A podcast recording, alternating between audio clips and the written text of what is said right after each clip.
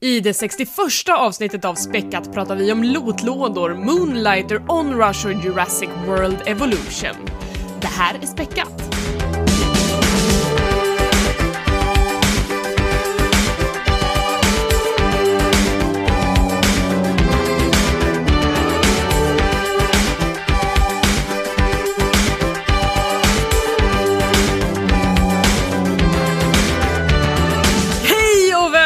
Till Späckat, en podcast om spel och allt runt omkring. Det här är avsnitt nummer 61. Jag heter Elisabeth och med mig har jag ingen mindre än the one, the only Tommy Jansson. Tompa annars.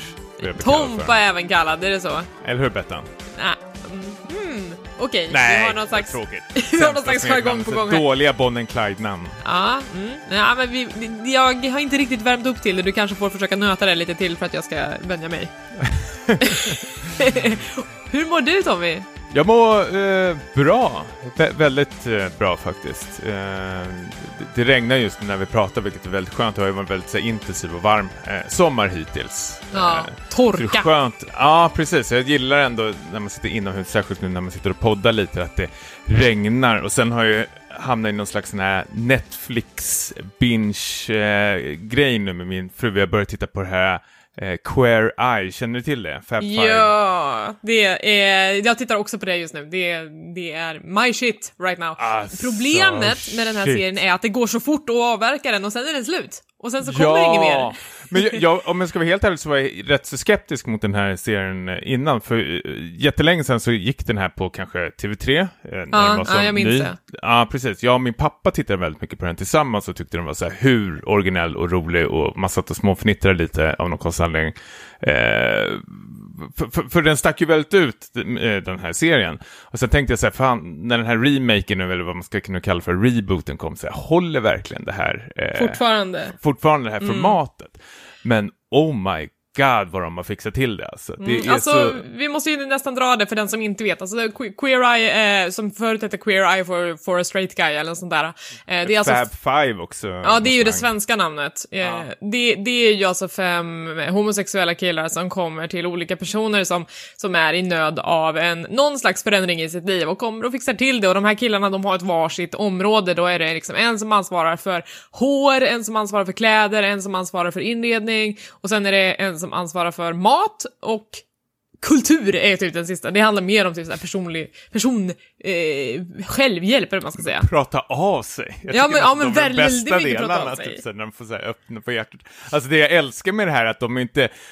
Första inblicken när man tittar på dem kanske man tror att de är så här sjukt ytliga och kanske blir lite så här småelaka, men de är verkligen inte där för liksom förändra någon liksom helt och hållet utan kanske ge någon personen lite som har haft lite jobbigt i livet eller har kanske lite jobbigt i livet en liten knuff Mm. åt rätt riktning att bara så du vet så finns det här och du kan prova det här. Vi försöker inte, det, alltså det är ingen, eh, vad säger man, body shaming eller någonting sånt Det är ingen makeover på det sättet egentligen, utan det är ju mer att de så här identifierar olika problem som den här personen brottas med och sen säger att men om du tacklar det på det här sättet istället, antingen så kan det vara genom att klä dig på ett lite mer uppstyrt sätt eller att du kanske börjar laga mat åt din familj eller liksom alltså sådana grejer. Ja, Eh, men precis. Någonting som både uppskattas hos sig, sig själv och hos runt andra liksom. Så alla, det blir någon slags win-win situation. Och det jag gillar är, jag som själv är lite så här smått rund om magen har jag alltid försökt liksom så dölja det på något sätt. Och eh, när de har träffat sådana här personer då är det så här, okej, nu istället för liksom sätta den här personen på någon slags bantning, du ska springa sju gånger i veckan och bla bla bla. Då är det så här, ja men vi utnyttjar, vi hittar lite kläder som liksom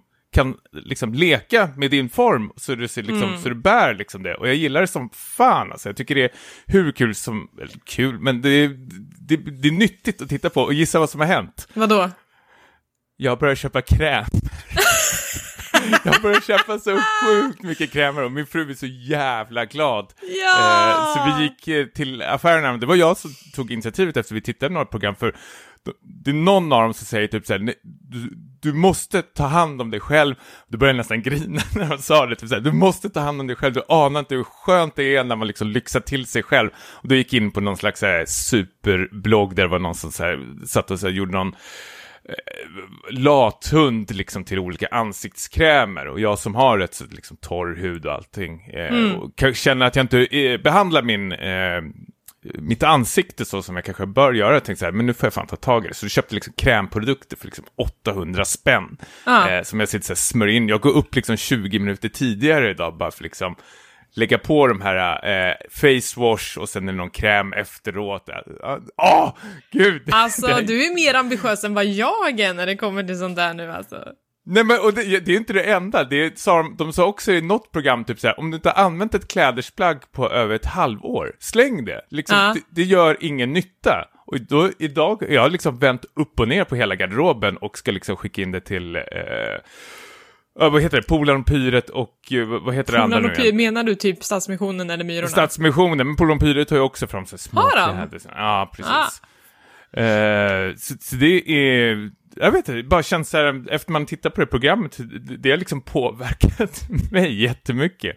Ja men Eh, alltså, den är, den är ju liksom väldigt amerikansk på det, berättad på det sättet att de tar sig anfall och de bygger det här upp det här dramaturgiskt så att man ska grina lite grann i varje avsnitt. Ja, men det är ju så men, bra, jag men det är ändå så mycket, det är så mycket feelgood tv ändå och alla de här olika personerna som de tar sig an, de brottas ju med väldigt individuella problem. Det är väldigt långt ifrån bara, här är en kille som är singel, fet och ful liksom. Det, det är inte alls den grejen, utan det kan vara liksom Mm. folk som är i en familj, i ett förhållande, eller folk som brottas med helt andra grejer. Alltså det finns ett avsnitt om en kille som ska, som ska komma ut som homosexuell för sin familj, liksom. Det Åh! avsnittet är så bra! Det, ja, Eh, men det, det, det är fan det, det är nog det avsnittet jag första gången på länge har liksom brutit ihop. För det är, man ser, när han ska komma ut till sin vad är det, stepmother och ska berätta det här och hur han känner och han är så jävla rädd för att eh, förlora henne. Att Ja. hon ska väl typ så här, avvisa honom eller skämmas för honom. För han, han, hon betyder så otroligt mycket för honom och han vill att hon ska följa med på den här resan han ska liksom ta första stegen till nu. Och när han bryter ihop där, man hör att han är, han är så rädd och han tycker det är samtidigt så skönt att han får komma ut och prata om det, men han vet inte vad han ska ta vägen och så kväver han sitt gråt och det är sånt otroligt ljud Ah. alltså när folk är, bryter ihop. Alltså, det, är, en- det måste vara en väldigt läskig men samtidigt en skön känsla för honom och då jag grinar nästan nu också. jag, tycker, ja, men jag tycker det är så fint när folk eh, eh, öppnar och visar sina känslor och vågar. Det är supermodigt tycker jag. Alltså, och framförallt så här, kameror och allting, det är ju inte lätt alls. Det måste vara skitnervösa. Ja men absolut, Många men också, jag vet ju, så här, man vet ju inte hur mycket som är stageat, man bara, ja ah, mamma, nu ska jag ta in dig här i ett rum med det här tv-teamet, eh, jag ska prata om en grej, och man bara okej, nu kommer det någonting Självklart liksom, men, att, eh, mm. men, men ändå liksom, det är ju, det är ju, Självklart att hon anar någonting, men jag tror väldigt svårt att stagea sådana där känslor alltså. Ja, så här, ja. Nej, vänta, kan du gråta igen och få ut de här alltså, primalskriken? Det, det är ju, ja, jag vet inte, det är helt otroligt. Men jag tycker också även om de här fem killarna också, Ja, de, de är de är väldigt transparenta med att Hej, vi är inte heller perfekta, vi har också problem. Det är ju någon som, jag tror det är något program när de ska ta hand om liksom en vit polis och i de här fem gänget så är det ju en eh, svart kille som är öppen och säger typ så här, jag har väldigt mycket problem med typ eh, vita poliser för att jag, där jag är uppväxt så har jag blivit liksom fel behandlad, så jag Ja. har Eh, även jag har liksom fördomar och det vill jag prata om med dig. Liksom. Så Ja. De försöker ta sina även liksom inre demoner också, eh, Ja. som de har. Och samma sak Eh. med när de, det, det är ett flertal tillfällen som de har rört sig eh, bland väldigt så här, kristna familjer och då är det också en kille som, han har vuxit upp i kyrkan och han blev avvisad när han kom ut som homosexuell så att han har också enorma problem med att, att eh, röra sig i de miljöerna och det, det är fint att man lär känna dem också på ett sätt eh, samtidigt som man lär känna de här personerna som de tar sig an.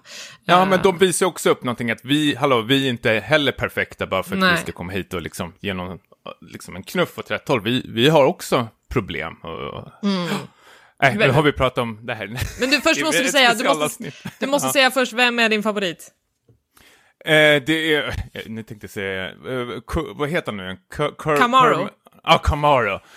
Oh my god, hans, det är två, Camaro och den här killen som gillar att klä sig bara i så t-shirt och jeans. Eh, är det Anthony? Han ja, han som hand om maten. Mm. Ja. De två tycker jag jättemycket om faktiskt. Ja. Både hur de pratar och ute. Och de är sjukt snygga. Ja, jag var ju så att jag störde mig först ganska mycket på, på uh, Jonathan för att han är väldigt lite så här flamsig, men sen så när man uh, hör honom prata mer och mer om liksom sina värderingar och, och hur han tar sig an de här personerna och är väldigt öppen mm. och, och, glad och väldigt accepterande, att han kan uh, säga till vem som helst som sätter sig i hans stol, you're a very attractive guy, och man ser att han menar det. Um, mm, alltså han, han, jag har verkligen värmt upp till honom väldigt, väldigt mycket nu under de här avsnittens gång. Ja, uh, men jag gillar ändå att det är en kontrast på de här fem killarna, liksom, att de kompletterar varandra väldigt bra. Allt från den här flamsiga, lite högljudda Jonathan till lite mer lugna och eh, vad ska man säga, mer tillrättalagda, fan jag glömmer allt bort vad han heter, Kumaro. Ja, men det är en jättebra bra. serie, alltså den finns ju på Netflix nu i två säsonger, ja, så det kan jag rekommendera liksom. varmt. Uh, supermysigt faktiskt. Mm. Ja, Gud. Hur är det med dig? Förlåt, nu har vi pratat om mig och liksom fem lyxbögar i typ tio minuter. Hur är det med dig? Ja, det är jättebra med mig. Jag fyllde år igår så att jag har haft uh, a blast. Jag hade ju lite födelsedagskalajs med några kompisar, jag har träffat lite familj uh, och sen har jag varit ute och käkat med uh, min kära sambo Mikael. Grattis i efterskott får man säga. Ja men tack så mycket. Jag har blivit Var du rädd för den omtalade Twitter-grattningen? När någon skriver på Twitter Idag fyller världens bästa och så är det taggar den namnet. Säg grattis i mitt kommentarsfält liknande. Nej, jag har inte fått helt... riktigt en sån, men jag har fått några Twitter-grattis, absolut. Ja, men direkt till det, men när någon skriver öppen på sin Nej, Twitter att den här personen fyller år, och jag brukar ofta säga, jag vet inte vem det är, ska jag säga grattis eller ska jag liksom bara scrolla snabbt som fan förbi? Jag, jag, kanske fick en sån, jag vet inte, men jag är inte så inne på Twitter väldigt mycket längre. Uh, jag har blivit ganska mätt på den plattformen, så att jag går typ bara in där om jag behöver pusha folk till någonting, typ här har jag gjort någonting, eller nu streamar jag liksom, men jag är ah. inte alls lika mycket inne på Twitter nu faktiskt, för att jag, eh, jag vet inte, jag tycker inte det är så bra stämning där inne, jag tycker inte att det fyller så mycket funktion. Det enda jag har nu är typ såhär TweetDeck, som är deras verktyg för att ha många flikar uppe med många olika konton, och den använder jag för att följa olika listor med spelnyheter i princip. Mm, mm. Uh, och rodda med mina jobbkonton. Så att jag, eh, jag börjar tappa Twitter lite grann, och det är på ett sätt ganska skönt också. Ta en paus från det. Ja, men faktiskt. Eller kanske inte ens komma tillbaka. Jag känner samma sak med Facebook. Eller Facebook har inte jag varit in på jättelänge. Nej, eh, nej. Där gör jag verkligen noll nytta känns det som. Eh, ja. Faktiskt. Ja, det blir, det blir spännande att se liksom vad sociala medier, eh, var vi kommer vara på sociala medier om eh, två, tre år. Det kanske är något ja. helt annat då, eller vad vi gör. Vi kanske börjar så är vi väl VR-grejen där. Ja, eller så har vi börjat prata med varandra i verkliga livet igen, jag vet inte riktigt. eh, Den... ja.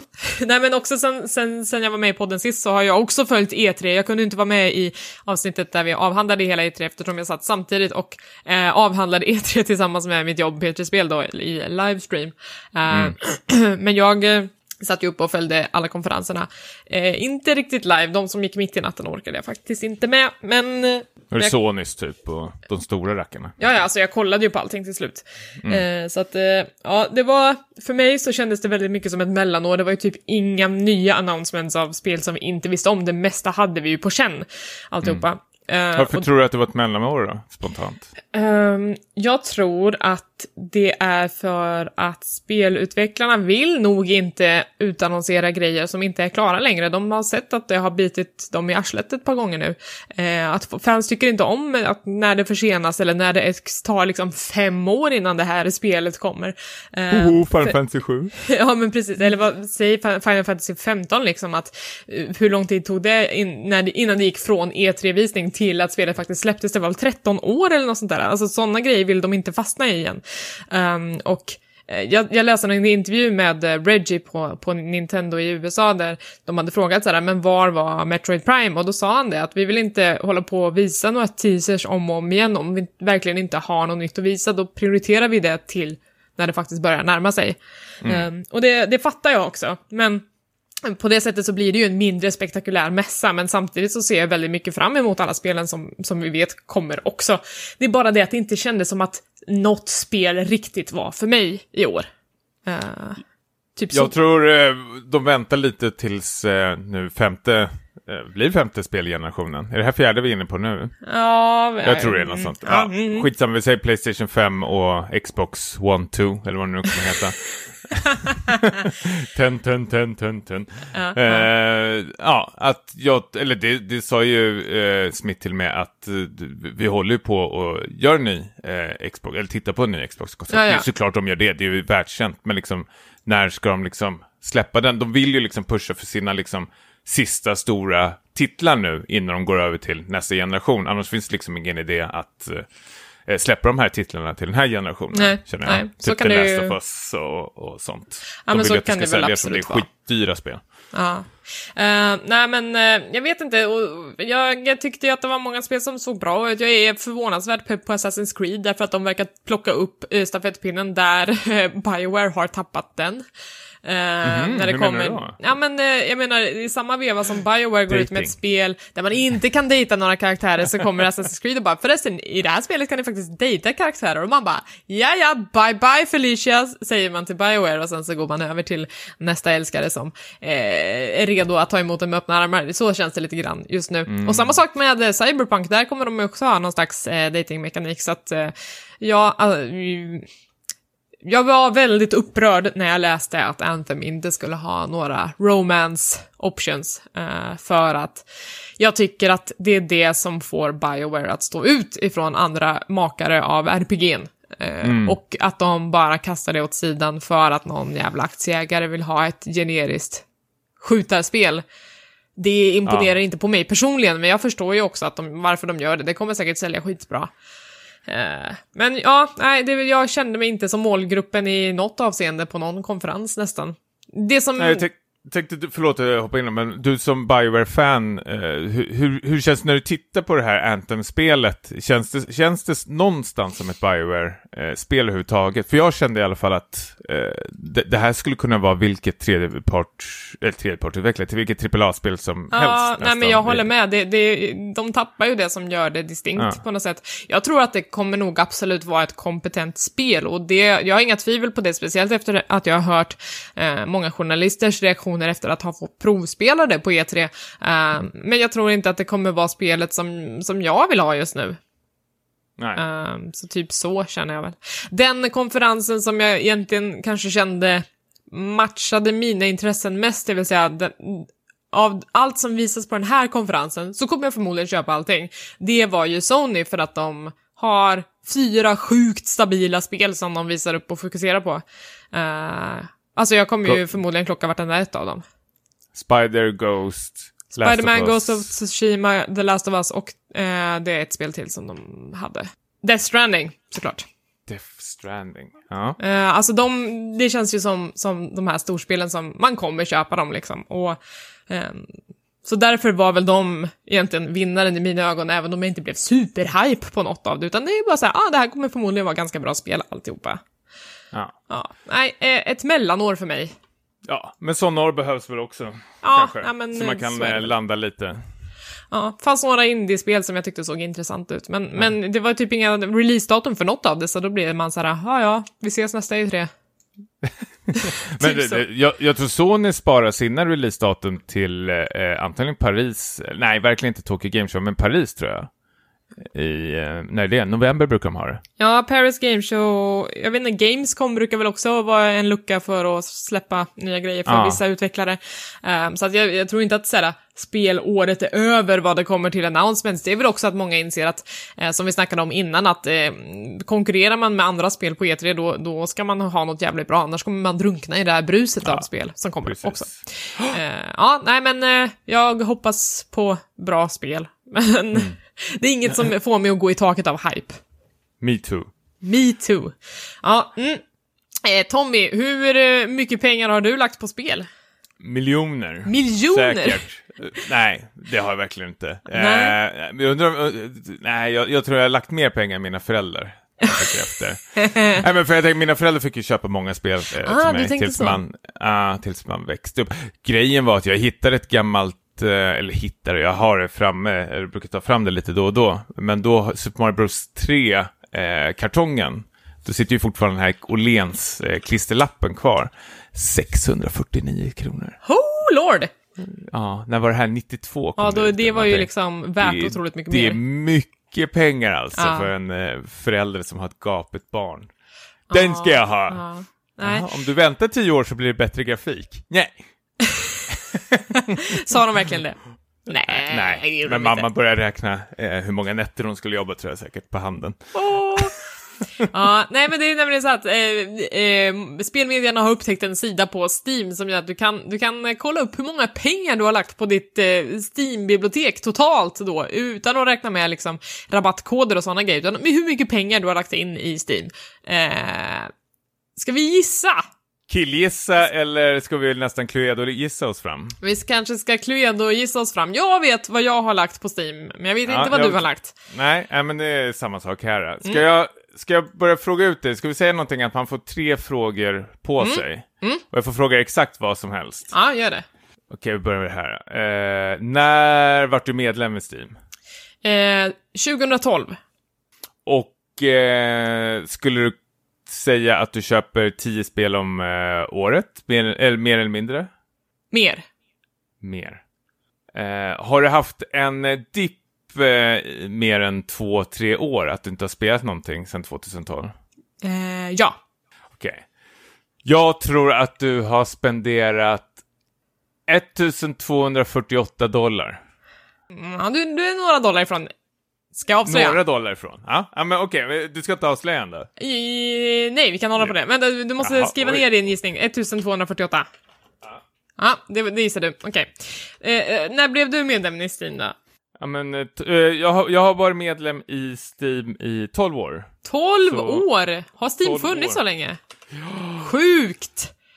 Ja, nej, okej. 12 år alltså. Eh, och då vill jag ju veta, har du genomsnittligt Ja. eh, öppnat plånboken för Steam-rean? Mycket. Eh, nej, skulle jag nog säga faktiskt. Okej, jag förstår. Eh, inte genomsnittligt, nej. Verkligen inte. Nu bara förklara det här. Ja, jag tänker mm. på de här stora, stor-rea-grejerna Ja, som Steam, alltså Steam sommar och på. vinterrean. Ja, precis. Sen har jag köpt säkert någon slags små rea-grejer. Jag köpte ju liksom Subnautica häromdagen som var på rea, men det skulle inte jag kalla för Steam-rea. Mm. Nej, nej, nej, men du är inte en sån som bara... Alltså så här, jag tänker så här, när det är sommar eller vinterrea, öppnar du plånboken och köper liksom 20 spel? Nej. Nej. Det, nej, det är det jag vill nej, veta. det är jag inte. Okej. Ehm, då vill jag veta, hur många av de här 12 åren har du varit aktiv på Steam? Då skulle jag nog säga kanske sex eller sju år. Okej, då måste jag gissa nu. Ja. Ehm, jag säger 2300 dollar. Oj, var det, var det väldigt mycket off? Jag tror att det Nej, det tänker jag inte säga, eller? Nej, men nu, men nu har vi gissat, nu får vi avslöja våra kort. Mm, mm, Ja, Okej. mm. Jag trodde, ja men börja du. Jag trodde 1248. Mm, 1985 var rätt svar. Så inte så långt bort. Okej. Mm. Och, och du trodde på mig? 2300. Ja, jag har 948. Åh jävlar vad det inte det var lika mycket som jag trodde att det var. Doktor Snål här. Nämen! Vad fan gör du på Titta. Steam? Titta runt. Den där, alltså, ska vi ha en till tävling så kan vi fråga min wishlist däremot. Den sträcker sig.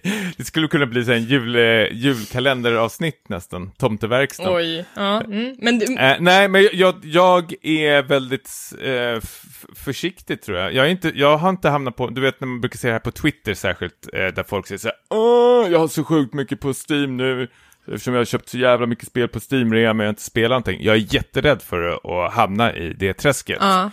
Eh, så jag köper verkligen enbart spel när jag verkligen vet att jag kommer eh, spela de här någon gång. Hur, många spel har du på Steam? Eh, mellan tummen och Ja, du kan ju se pekfingret. det om du hovrar över biblioteket. Jaha, titta vad jag kan. Jo men där så, 119 här. Ja, okej, jag är ju 341 ja, så jag, har- jag är en sån som sitter på en väldigt stor backlog. Det skulle inte förvåna mig om det är 65 av de spelen är gratisspel. Dessutom! nej, men jag, jag ser alltid till att köpa på eh, rea eller eh, kanske på andra vägar. Ja, nej men, eh, ja, men det, är, det är lite kul att kolla i alla fall. Jag blev inte super eh, överraskad av mitt resultat, mest för att jag faktiskt gör en, eh, en räkning av alla spel jag har köpt under året vid varje årsskifte från och med mm, två år tillbaka. Eh, så jag har en väldigt koll på, min, eh, på mina utgifter där och eh, sen så räknar jag ut nästa års budget utifrån det egentligen. Eh, Du, är ju, du är lite revisor över hela. Ja, alltså inte superallvarligt, men det är bra att veta liksom att jag, eh, jag liksom lägger ju mellan 10 och 20 000 kronor på spel varje år. Det beror på om det är en konsol där i eller inte, eh, har jag kommit fram till. Men, men, eh, ja, och Jag spenderar absolut mer pengar till eh, konsolspel, tror jag. Ja men precis, och du kanske har liksom mer utgifter som ligger på till exempel Playstation Store eller på Nin- Nintendo e-shop och sådana grejer. Alltså när man räknar ihop det så tror jag att det ja, det är ju den summan jag är ute efter när jag gör min, min eh, kalkyl för året. Ja, jag räknar i bärs fortfarande. Om jag avstår från sex bärs, då kan jag köpa det här spelet. sex och bärs. Eller så, ah, sex bärs. Förlåt. Nej, inte sex och bärs. Sex stycken bärs, Tommy. Tommy ska på semester, måste börja räkna sin budget i sex och bärs. eh, vad jag har råd med. Ja, Thailandsresan blir genast mycket tråkigare.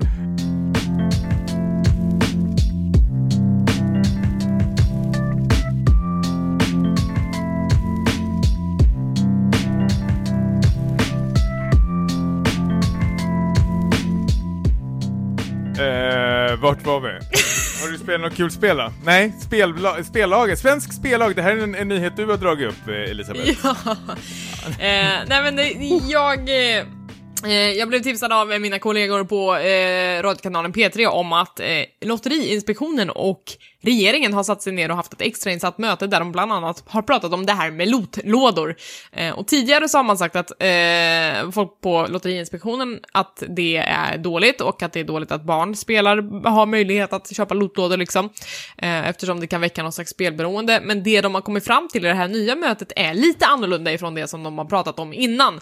Eh, den första januari så ska det komma en ny spellag som kommer att uppdatera liksom, allt vad gäller lotteri och, och, och gambling och sådana grejer. Och där eh, kommer det nu gälla som så att om du har köpt en lotlåda där du har fått framslumpat innehåll som sen kan säljas för riktiga pengar som har ett riktigt värde och där du kan få ett större värde än om din kompis skulle köpa samma låda, då får du inte sälja vidare det här eh, föremålet för då hamnar det i eh, gränslandet som är gambling. Och eh, det, det, det blir ju liksom så att eh, när, när de pratade om det här först så sa de att det skulle handla om att slå ner på svarta marknaden och sådär, var, var, vart säljs det CSGO-knivar olagligt, alltså sådana grejer. Eh, Facebookgrupper som är stängda och, och det vill de ha en större, större möjlighet att gå på. Men jag, jag ringde dem och frågade liksom, men hur blir det med Steams egna marknadsplats?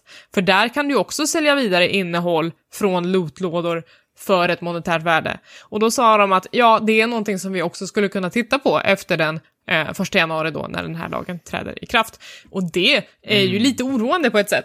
Eh, alltså, Ja, om, Steam, jag- om Steam känner då att okej, om vi har den här marknaden uppe i Sverige så bryter vi mot en lag. Vad fan kommer de göra? Jo, de kommer ju förmodligen stänga ner den här marknaden just i Sverige för att bara undvika det problemet. Så ser jag det som. Jag tror nog inte det kommer hända, för jag tror inte det skulle kunna falla i kategorin som gambling, eftersom du har ett tydligt liksom ett, en, en, ett item som du säljer direkt till en person, att här har du det här skinnet till den här Jo, men man har, ju fått, men man har ju fått det ur en framslumpad Hur man har fått den är en helt annan sak och det tror jag de lö- löser med eh, det som börjar ploppa upp nu, särskilt i Fortnite och som jag läste ska komma i Rocket League, Mhm. det här Battle Pass. Och istället för lootlådor nu som, ja, Rocket League, Fortnite har ju inte haft några eh, lootlådor, men de har ju löst det istället med Battle Pass, vilket är hur smart som helst om, eh, när det är ett sånt stort och populärt spel, särskilt bland eh, yngre människor är att liksom de delar upp spelet i olika säsonger. Nu tror jag Fortnite är så här season 4 och då köper du ett battle pass där liksom det är som en prenumeration nästan att desto mer du spelar, desto mer liksom unika items eh, låser upp. Du ser redan vad du kommer låsa upp. Alltså om du level 25 så får du det här skinnet och bla bla bla. Och sen nollställs det här till Nästa nästa säsong. säsong. Mm. Och du måste liksom köpa en ny prenumeration. Det är liksom som att prenumerera på en, väldigt hårda skillnader här kanske, men en tidning eller något liknande. Förstår vad jag menar? Ah, ah. Att liksom, du, är, du är exklusiv nu och därför det här. Om du inte betalar, ja men då får du det här lilla. Ah. Eh, förstår vad jag menar? Och de sakerna sedan kan man ju sälja vidare, för då har inte du fått dem via någon Nå- någon gambling, slump utan på är något liksom- sätt, utan det är ju liksom Nej, utsatt. precis, utan det är väldigt tydligt. Du ser redan, eh, jag, jag, jag är inte alls någon Fortnite-spelare, men jag tog upp det nu när det kom till switchen och tittade runt på det och ser ju väldigt tydligt så här, spelet säger så här, betala 999 så får du liksom det här och det här och det här och det här när du kommer till den här leveln. Och nu ska ju även Rocket League ha det här. Och jag undrar, nej, det tror jag inte, det är det mest gratis spel, men jag tänker om det här eh, Battlefield 2 och 5 kommer kanske ta mig. Ja, men just det, för där har de inte varit helt tydliga med vad, hur Nej. mikrotransaktionerna ska se ut. Ehm, ja, nej men... Mm. Och även med Anthem också. Ja, men faktiskt. Ehm, ja, det, jag, För de skulle också ha ex- exklusiva eh, saker. Ja. Eh, cosmetic. Ja. Nej, Det kommer bli superspännande att se hur det här utvecklar sig, för på ett sätt så är jag glad att man gör någon slags krafttag emot, emot just det här eh, lotteriaspekten av det hela, men om det bara är ett land som driver en viss lagstiftning och, en, och de andra inte gör det, då är ju risken större att det landet fryses ut ur gemenskapen snarare än att leverantören eller den som tillhandahåller plattformen gör någonting åt det. Um, Alltså jag tänker till exempel på, i och för sig, Overwatch har ju fått eh, sanktioner liksom av Kina, att om inte ni redovisar sannolikheten att man ska få olika grejer i lootlådorna så får ni inte göra det här i vårt land. Och det har de fixat. Ehm, så det, det är ju en sån grej som, som det verkar gå att göra, att lösa det på ett annat sätt, men det är fortfarande inte ett, en lösning på hela lootbox-grejen. Jag tror att lootbox-grejerna kommer försvinna mer och mer, men eh, och istället kommer ersättas av det här Battle Pass. Jag vet inte alls vad jag tycker om eh, Battle Pass-principen, men samtidigt förstår jag att liksom, så här, spelföretagen måste ju, till exempel Overwatch som håller igång sina server och turneringar, att de måste ju ha någon, någon slags inkomst för det här spelet. De kan liksom inte bara gå runt på försäljningar eh, av spelet. Det Det, går liksom inte. Ja, ja det, jag, eh, jag ser med försiktighet på de här grejerna. Jag vet inte om det är bra eller dåligt, för det är den som lever får se vad det här leder till framöver. Man kan bara ana. Ja, nej, ehm, men spännande dessvärre. Får se om vi har någon Steam-marknad efter januari. Man kan hyra mig som Battle Pass kanske senare. Att desto mer man ligger med mig eller någonting så går man upp i level så sätter på mig nya kläder eller någonting. What? Tju- 20 dollar. Season 4 Tommy. Räknar, Med sån där banankallingar. räknar ut budgeten med eh, sex och bärs, eller hur var det? Ja, sen kommer det där Fab Five-gänget och liksom säger No Tommy, this is wrong!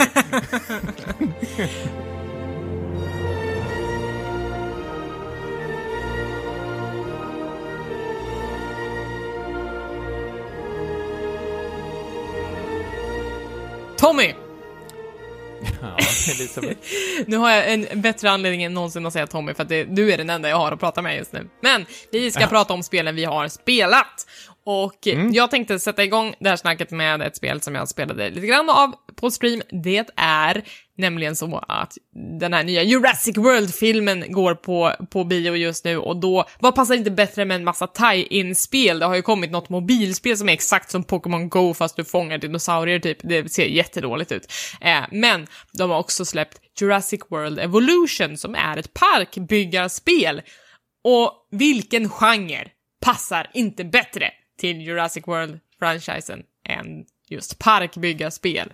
Det, det låter ju som ett recept som är gjort för framgång, eller hur? Ja, det eller typ någon... Eh, ja, nej, jag kan inte komma på något det bättre. är ju det Jag bästa. tänkte säga någon slags eh, 165 Evolution eller någonting. Eh, ger Hässelby kanske en liten parkbyggnad eller någonting. Eh, ja, nej, men så jag testade det här spelet för jag var ganska pepp och desto mer pepp blir man ju när man ser att Frontier är den, de som utvecklar det och de ligger ju bakom till exempel Planet Coaster som är, var ju det här extremt eh, kompetenta nöjesparksspelet där man hade en otrolig detaljstyrning på de olika berg och och på gästerna och besökarna som kom, kom till parken och sådär. Så att det kändes som att det var i goda händer. Eh, Men det här är ett eh, ganska straightforward parkbyggarspel. Du bygger liksom en inhägnad, du bygger ett sånt där äggkläckningscenter där du eh, då lägger in DNA och eh, gör en dinosaurieklon och sen så släpper du ut den i parken i princip. Utöver det här... Du måste hitta DNA runt om i världen. Ja, för utöver De det så behöver du också göra olika utgrävningsexpeditioner i världen där du kan hitta då eh, olika fragment av dinosaurie-DNA för nya arter som du då forskar fram i labb. Eh, mm. Så att eh, det, det gör man liksom vid sidan av. Så till, till en början då får du någon liksom eh, liten eh, strutsdinosaurie på två ben och så är det allt man har. Men sen så börjar man få liksom triceratopser och man får någon som heter Edmontosaurus och eh, sen går det vidare och vidare liksom. Men, men Eh, man börjar liksom ganska enkelt. Uh, ja. Och sen utöver det här då så kan du ju göra olika grejer för besökare. Du kan göra hotell och restauranger och butiker och sådana saker. Och sen så behöver du ha fler och fler inhägnader för du vill ju inte lägga in köttätarna tillsammans med växtätarna för då kommer ju de omedelbart äta upp varandra. Det är som att lägga ihop liksom så här hårdrocker och indiepoppare i samma liksom festivalområde. Eller hur? Eller hur? jag kommer ihåg när man gick i Hultsfred så fanns det de här läsket, vad hette de? P eh, träskpunkarna. Som låg i träsket och skrek. Åh, roligt. Ja, men så här, könsrocker ja, kallar de ja, Det stod så här kuk på ryggen. Oj, ja. Väldigt otäcka för så här eh, bright eyes-folket. Ja. Typiska växtätare alltså. Ja, precis. ja, eh, det jag gillar med det här spelet är att det är du vet när man spelar sådana andra parkspel, då är det sånt jävla fokus på att man ska hålla parkens besökare nöjda, att de inte ska vara hungriga och att de ska vara nöjda, att de ska inte få stå i kö för länge och de ska betala mycket pengar. Det skiter det här spelet fullständigt i. Här är det... Du ska hålla T-rexen Ja, du ska hålla T-rexen nöjd. Det är dinosaurierna ska, som ska må bra. Har du glada dinosaurier så får du automatiskt glada besökare. Det är inte svårare än så. Och på det sättet så känns det som att då förvaltar man Jurassic Park-grejen väldigt, väldigt bra. Det är dinosaurierna som är tufft i Jurassic Park. Och dessutom mm. så är ju Jeff Goldblum med som eh, berättarröst. Eh, som Dr. Alla är väl med? Inte Bruce eh, Dallas Jo, det är flera som är med. med. Inte Chris Pratt ah. från de nya filmerna. Han har bara lånat ah, ut sitt ansikte, men det är fel röst. Eh, men det är ganska många med av originalgänget. Eh, ah. absolut. Ja, men Jeff Goldblum gillar vi. Ja, Bruce ja men eller hur. Eh, Bryce, hur uttalar man den? Bru Bruce. Bruce. Bruce. Bruce, Bruce Dallas Howard. Ja. Ron Howards dotter. Ja, ja. Eh, nej men eh, så att det, det är verkligen, eh, på det sättet så känns det här spelet helt rätt. Eh, det, det, ger mig exakt vad jag vill ha av ett Jurassic Park-spel. Mm. här kommer kruxet det är lite dyrt. Det är ett fullprisspel för 600 spänn och om det var lika intrikat och komplext som Planet Coaster så hade jag fattat det, men det här ser ut att vara lite mindre i skala. Det är inte så jättebra endgame. Det finns liksom fem olika öar som du kan låsa upp. För varje ö så får du tillgång till mer och mer dinosaurie-DNA och så vidare. Uh, men efter att du har låst upp de här fem öarna så har jag förstått det som att det inte finns så jättemycket mer att göra sen och det eh, gör det kanske lite för kort och för simpelt för att det ska vara ett fullprisspel. Men kort, vadå, är det tio timmar sen är, sen är det klart? Eh, jag vet inte riktigt hur många timmar det, det eh, landar på, men jag fick känslan när jag kom till andra ön att man bara, man bara okej, okay, oj, är jag redan här? Eh, men du, då, då hade du ändå att du ville fortsätta ja, ja, absolut. Jag... spela och utforska? Absolut. Okay, ja. Alltså när du, när du når en viss rating på din första ön så låser du upp nästa mm. ö, men du kan ju stanna kvar där och försöka maxa den ön så mycket du bara orkar ja. också. Men det vill man ju inte med, sin Ja men precis, jag ville ju ha en Velociraptor, det var ju det enda jag ville. Uh, och sen så... Jag tänker på de där andra, vad fan heter de som spottar Dennis Nedry i ansiktet? Åh, oh, de är så äckliga.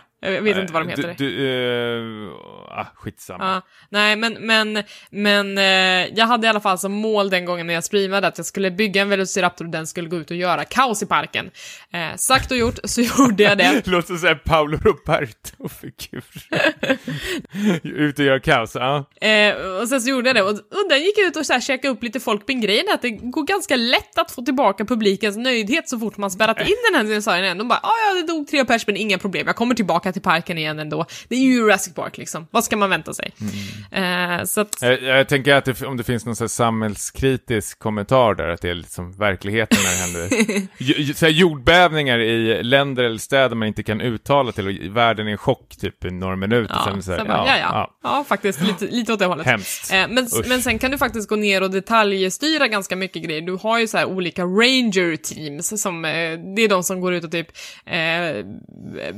ger medicin till dinosaurierna om de mår dåligt, eller de kan gå ut och ta foton som de kan sälja för dyra pengar om man behöver lite extra cash i kassan. Ehm, Eh, men, men de kan du då styra ur första person och köra de här bilarna och, och att distribuera medicinpilar, det gör du som en first person shooter, så att det är ganska olika lager i det här som är ganska roligt. Mm. Uh, så ja. Musiken och sånt som är väldigt ikonisk, är den... Ja, den har ju liksom uh, Jurassic Park-temat och sådana där grejer. Alltså, ja. Är... ja, den har licensierat allting. Ja, det verkar vara helt och hållet licensierat, så att de har ju fått med allting. Det verkar inte vara någonting som är off limits när det kommer till, till upphovsrätt och sådana grejer. Uh, så det känns helt rätt det här spelet.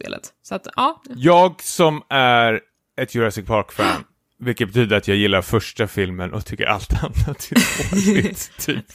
Men jag älskar första filmen, jag är verkligen, och jag har samlat på massor med Jurassic Park-leksaker mm. och allting.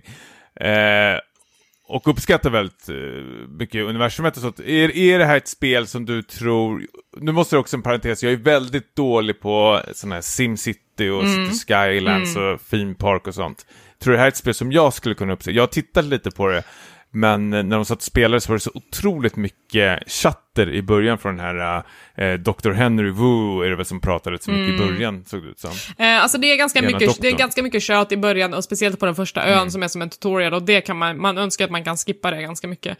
Eh, ja, men, det var väldigt mycket snack. Men eh, det, det, går över ganska fort sen, när man har kommit över den värsta puckeln.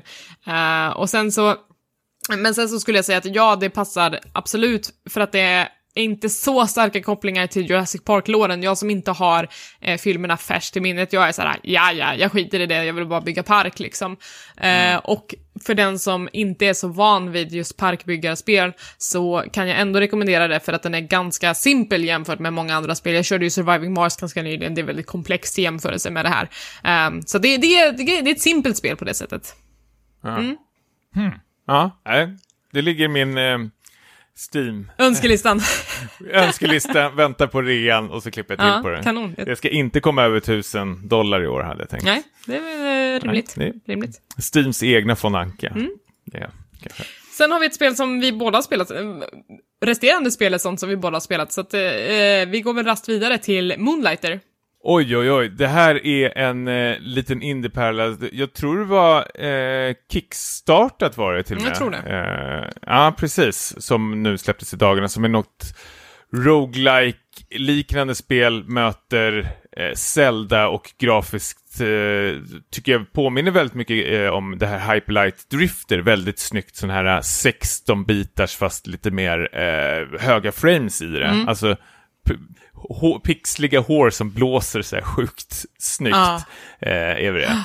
Och du spelar som en eh, sån här, eh, vad heter det, mercher, som, eller mercher? Eh, en köpman köpman som har hand om en affär, men att det går lite dåligt i business nu på grund av den här staden man bor i har liksom så stängt de här eh, grottorna. Det är liksom för farligt för liksom till och med The Adventures för att gå ut liksom och slakta, men de behöver liksom även vapen och sånt. Så det man gör då som eh, spelare är att man besöker de här grottorna, man samlar på sig loot och sen går man till sin affär och liksom sätter ett pris på de här sakerna man har hittat och som liksom finerna har droppat mm. och sen kommer in massor med customers som liksom får, säger typ att med hjälp av typ små ikoner att typ att det här var väldigt billigt eller det här är sjukt dyrt och sen kan man liksom ändra priset vart eftersom och sen är det någon loop som håller på sådär nästan spelet ut mm. faktiskt, mm. eh, skulle jag säga, i korta drag.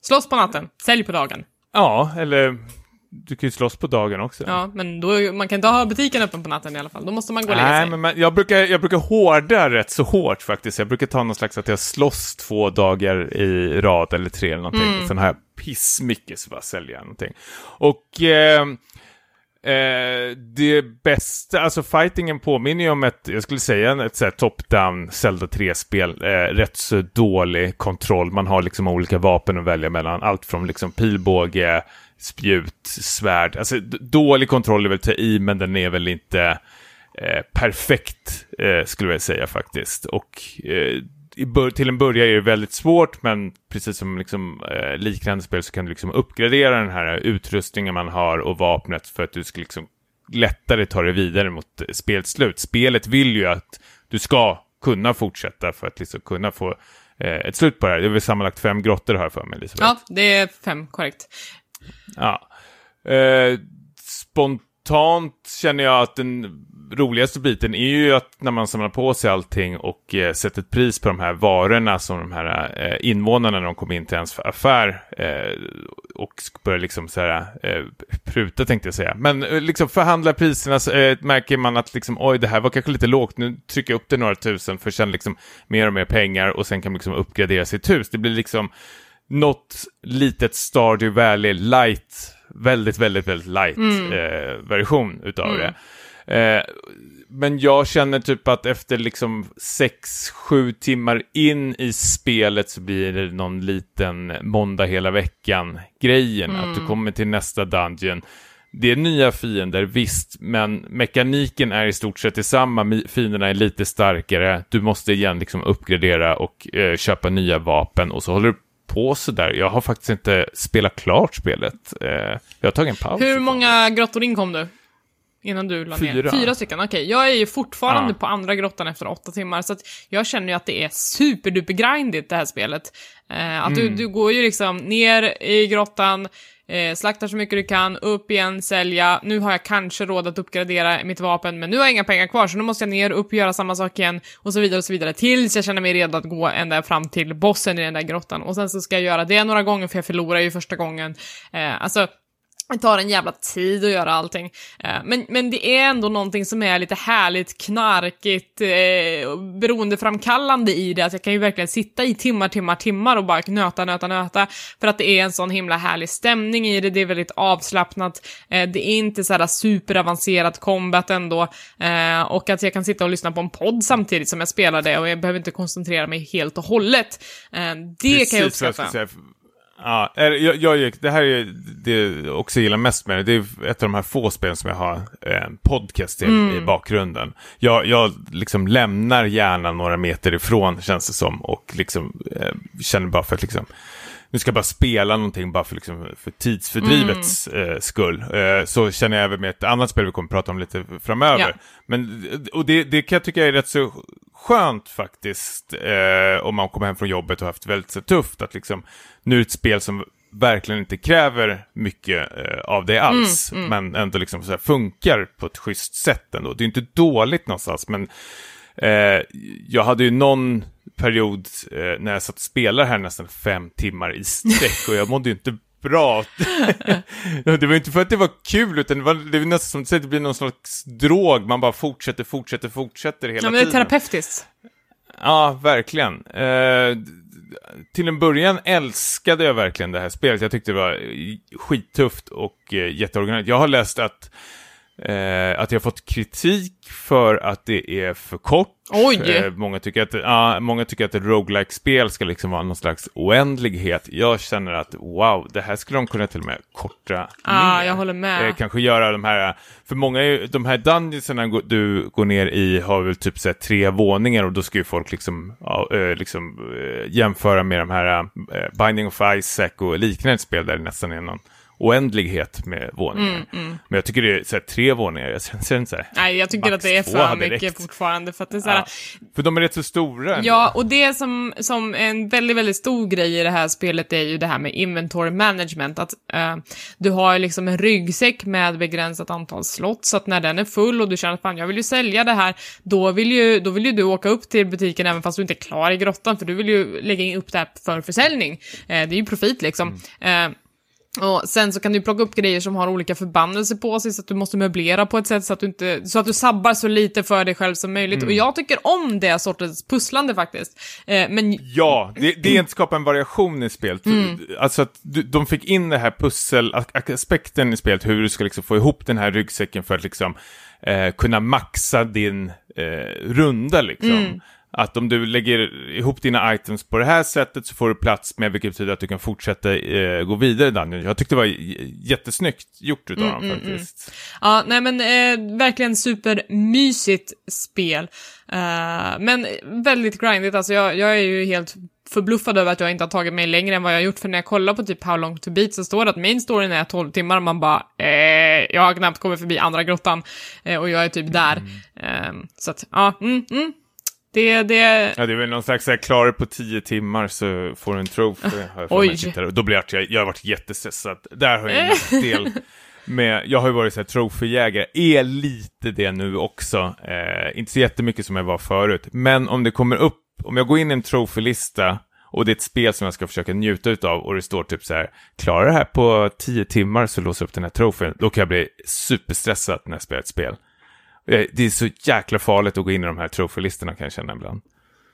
Ja, mm, nej, men jag har verkligen släppt de s- prestationerna. Men du förstår vad jag menar kanske? Ja, jag fattar verkligen. Eh, det kan bli... Jesper, Ja, men det kan bli, bli stressande, absolut. tänk på oss, tänk en tanke. Jag skänker absolut en tanke till att det, jag har ju kompisar som är troféjägare och när man ser typ såhär när de firar bara Åh, nu har jag äntligen fått den här trofén efter typ 1300 timmar och man bara But why? En, av mina vänner har ju till och med eh, tatuerat in en eh, Platima på sin arm. Mm, wow, dedikation. Så, ja, ja. vi har ju en troféjägare i Spekat, Lisa är ju också en sån som eh, jagar den där kicken Mm. av att 100% ett spel.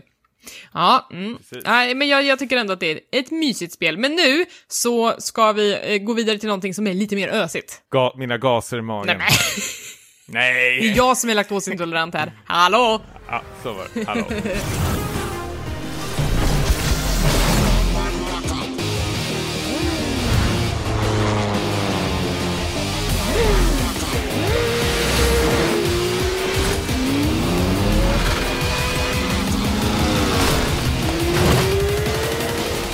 Onrush ska vi prata om. Jag, alltså, det här spelet, jag älskade när jag upptäckte det här spelet och jag träffade dig eh, en kväll Elisabeth, vi var ute och drack öl du och jag och några andra. Så började jag liksom prata om det här spelet och du visste inte vad det var så skulle jag ta fram det på telefonen och visa dig och det var, det var som att prata med ett lejon på savannen när du tittar på de här videoklippen. Det var största gäspning jag har fått. Du var ju inte så jätteimponerad när jag visade upp det här spelet och Nej. så här försökte förklara. Nej, och, och Nej. Niklas har ju pratat om betan tidigare i podcasten också.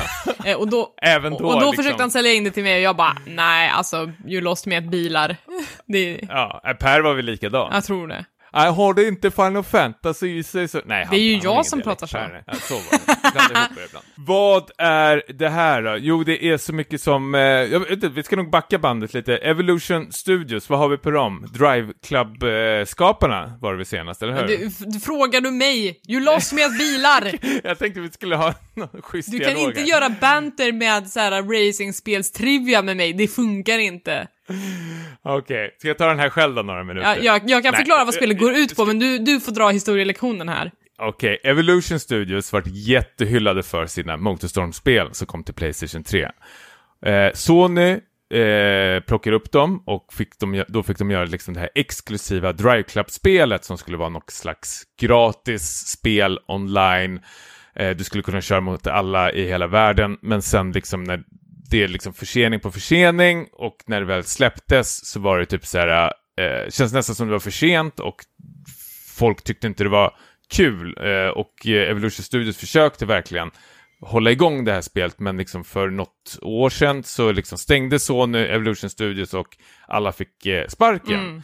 Och det, det som hände då var ju att eh, Codemasters då plockade upp det här gänget och för att de kände väl typ att det vet inte jag. Det kan vara att de kommit till Codemasters också och sagt hej, vi har en idé. Och så har de presenterat det här spelet som Codemasters då har hjälpt eh, eh, dem med. Eller det är ju Codemasters som har gjort det med eh, Deep Silver då som släpper det. Men att det här är samma gäng som har gjort Drive Club eh, och Motorstorm, att de har liksom fått en andra chans nu för att liksom visa att de kan fortfarande göra de här arkadspelen. Så, vad har vi då? Nu fick, nu fick vi göra det där lilla... Då vet vi eh, vart det kommer tillrättalagda- Precis, det här, är- nu, nu vet ni vad era licenspengar går till.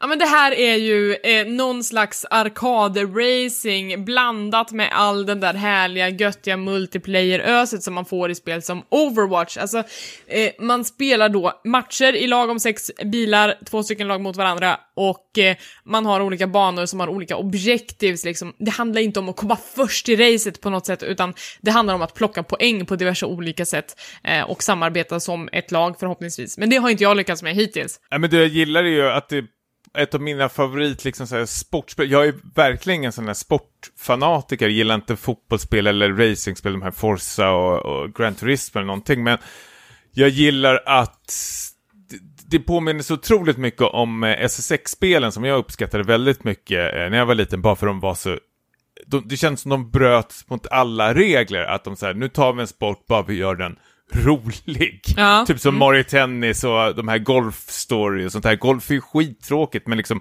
Golf Story gör det roligt för att de liksom skruvar till golfspelet. Eh, och det känner jag exakt samma sak här med Overrush. Att liksom vi tar ett, ett arkadspel och så loopar vi bara banan och sen får liksom folk bara preja in i varandra. Och jag gillar att det liksom är ett tempo i det. Om- Om du dör, om du dör så har du liksom, vad är det, fem sekunder max liksom, så respawnar du och hamnar liksom mitt i skiten hela tiden. Mm, mm, mm. Eh, ja, vad finns det mer då? Det finns ju åtta olika sorters bilar att köra, de är olika klasser. Eh, det är väldigt enkla kontroller, du har ju liksom gas och broms, du har uh, det som kallas för boost, uh, där du åker lite fortare och den hjälper dig också att samla poäng, och sen så har du någon slags ulti som du laddar upp som heter rush. Eh, och de, den har ju lite olika effekt då beroende på vilken, vilken klass du har, men klassen påverkar också hur du samlar in boost och rush. Så att vissa bilar gynnas av att man kanske prejar in i andra motståndare. Andra, eh, en motorcykel till exempel, den eh, samlar in po- poäng om du gör tricks när du, när du hoppar.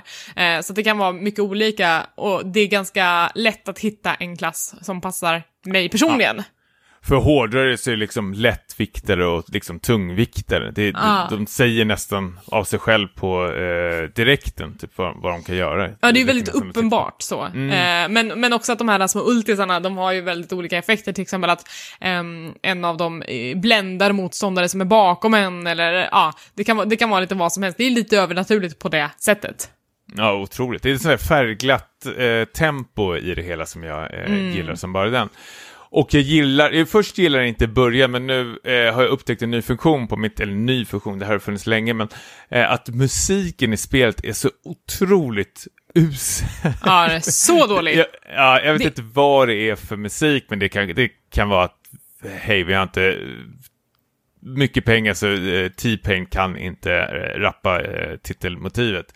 Men det jag gillar är att, som jag aldrig använt förut, är att Playstation, och det här är säkert Xbox också, men att de har liksom Spotify inbyggt eh, i Playstation 1. Så jag sätter ju på, jag har gjort en playlist och allting, vilket betyder att så fort du sätter på Spotify i Playstation 1 så stänger den av musiken i spelen på direkten. Så det, det är liksom bara ta med din egen jävla skitmusik istället då och sätta in det i spelet och det är liksom ännu härligare. Nu är jag nästan sugen på att spela massor med andra sportspel bara för att ha musiken i spelet. Det passar nästan bättre. Ja, alltså nej men jag, jag kräks på den här musiken, den är så dålig. Det, och det är Ja, så det dålig uselt. blandning av musik också. Det är så os, osammanhängande och spretigt och högljutt. Alltså jag, när jag satt och spelade första kvällen, jag spelade kanske två timmar, sitter i soffan, är lite trött och har det på ganska hög volym. Jag var ju alldeles vimmelkantig av alla ljud som jag hade bombarderats med under de här timmarna. Ja men det känns som en, eh, någon sån här amatör-DJ har precis upptäckt de här beatknapparna liksom. Att det, är no, det är oftast något, jag har trott flera gånger att, så att det har varit så här hack i skivan som man rätt säger. Att det var hackat, att spelet har hängt sig för liksom, det är något track som bara loopar sig som bara den. Och sen har det liksom dragit igång. Jag bara, oj oj oj. Det här Och sen, och sen när man ultar, då bara hör man Det gillar jag förstås. Det skriker jag också. Ja, Men, nej, men eh, jag, jag, så här, det, det, jag gillar det som bara den. Jag har inte, jag har inte spelat ett arkadspel sen, ah, det är väl som Mario Kart eh, såklart, men jag tycker det är så skönt, precis som kanske Moonlight, att det här är ett spel där jag kan liksom sätta mig ner med liksom vänner eller helt själv. Det, det funkar lika som och bara liksom köra av eh, några race. Racing går jättesnabbt. Det kan vara allt från fem till tio minuter per match och jag tycker det är så skönt. Nu har inte liksom det här competitive släppts än, utan det är bara quick play, eller så finns det ett så här, eh, single play-läge, någon campaign eh, kan vi kalla det för. ja. Eh, en lång tutorial som är jättebra, eh, skulle jag tycka, för folk som är nybörjare, att man börjar med det. Men jag känner så här, quick play och eh, på internet, det funkar så otroligt bra. Det är liksom så här, nu är matchen klar, nu hoppar vi in i nästa och så bara tänkte det, det är något så här skönt tempo. Man slipper, det är väldigt sällan man liksom bara sitter och väntar, väntar, väntar, väntar. Ja, och det är också så att om det inte finns tillräckligt många spelare, då fyller de upp med AI-spelare. direkt. Det får du inte säga. Men det är ju sant. Men det är ju Ja, det. jag Jag, tycker att, jag tycker att det är bra för att jag slipper att vänta. Jag skiter i vem jag spelar med, för jag är inte så intresserad av samspelet på det sättet heller. Mm. Ehm, Något som eh, många har pratat om är att liksom folk som har sett det här och tittat på det är typ såhär, okej det här verkar vara kul, eh, men fuck, det kostar fan 600 ja, det är så spänn. dyrt. Det är, jag, jag älskar det här spelet som bara den, men jag känner faktiskt att även jag tycker att det här är ett eh, överpris. Jag vet inte hur de har, liksom, hur, varför de har kommit fram till, till det här priset. Det känns som ett max 300 kronors eh, spel. Så om man känner sig osäker på det här spelet så skulle jag eh, rekommendera att eh, vänta faktiskt. Eh, tills det går ner ja, minst det- hälften. De måste göra någon slags prissänkning på det här, för annars kommer inte det få den publiken som jag tycker att det här spelet förtjänar först och främst. Eh, Men det, det funkar inte som ett fullprisspel. Alltså 300 spänn, lätt slå till, men på den här nivån, nej, det är inte tillräckligt mycket för det priset. Hur känner du Elisabeth, du som uh, inte alls tycker om bilspel och arkadspel, eh, vart du har du blivit förvånad, positiv eller känner du att det är någonting du skulle fortsätta eller är du arg? Ja, men alltså jag, jag som var väldigt, väldigt anti alla gånger som ni har försökt berätta för mig om det här spelet. Eh, när jag fick lägga vantarna på en recensionskopia så kände jag ändå, ja, ah, men jag, jag ska prova, jag ska, I'll give them the time of day.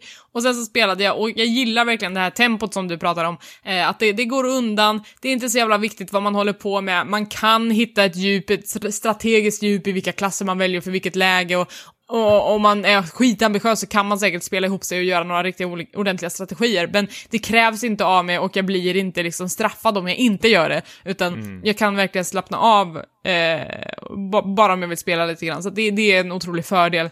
Ehm, så på ett sätt så är är ju det nästan överlägset Overwatch, för där finns det liksom en prestation i, i det spelet, att, och, och en chatt där folk typ skriker på en om man instalockar Widowmaker, men, eh, men de har absolut eh, likheter i liksom tempot och, och i hur arkadigt det är liksom. Eh, så det är trevligt liksom. Det blir något SSX, möter lite Rocket League, möter lite Overwatch. Fast Eh, roligare än Rocket League tycker jag att det är. Ja, det är det verkligen inte. Jo, Men, eh, Jag ja, hatar ja. Rocket League, tråkigt. Tråkigt! Där, en annan sak som är värd att säga är, det pratade vi om lite förut, för några dagar sedan, jag, eh, karaktärerna. Ja, välja. just det. som har fått väldigt mycket beröm för eh, Ja, nå- någon slags, eller någon slags, men det är väl mångfald, alltså det är väl inte så eh, svennigt bland de här Nej, är det karaktärerna man kan välja. Verkligen inte. Det är väl typ tio karaktärer man kan välja mellan som default och sen låser man upp olika skins till dem. Men det är liksom eh, två tjejer i slöja och det är liksom väldigt, ja men som väldigt mångfald på dem, olika hudfärger på allihopa och så vidare. Ja, men jag Eh, tyckte jag räknade ihop att det ändå var två styckna, alltså som jag fick fram till västländska. Ja, eller, mm, och vita. resten var liksom, ja precis. Men, ja, nej, men en hette väl typ William och den andra hette Theo. Jag tänkte att det är väl ingen i typ så här, Västindien som heter det. ja, Skit, säkert, vad fan Ja, vet jag. mm. Ja, men de andra var väl till exempel, eh, Kira var väl typ typiskt japansk namn. Man, man ser ju aldrig några ansikte på dem eftersom de har massor med eh, Hjälm och såna grejer. Eh, vilket gör det också väldigt bra att det inte blir så superytligt hela tiden, men man kan se att de ändå representerar eh, någon slags, antingen om det inte är nationalitet så kanske det är någon kultur eller något Ja. liknande. Ja, Och jag, tycker det är väldigt snyggt, så, små detaljer de bara har gjort eh, utan att det ska liksom skrika eh, utav det. Nej, Faktiskt. ja, jag, jag håller med. Men, men sen så när det börjar komma till sådana här lootboxes, det finns ju lootboxes i det här spelet, men jag hittar inget sätt att köpa det med riktiga pengar, så att du tjänar ju in de här lådorna genom att levla. Eh, och de är så sjukt ointresserade av, ja visst, du låser upp olika skins till din karaktär och till din bil och du låser upp så här danser som de kan göra i, i, i victory screens och du kan låsa upp tricks till motorcykeln. Alltså det enda jag är möjligtvis intresserad av är ju de här tricksen, men jag låter de där lådorna bara stapla upp för jag är inte så det, jag, jag får ingen kick som helst av den sortens kosmetiska faktiskt.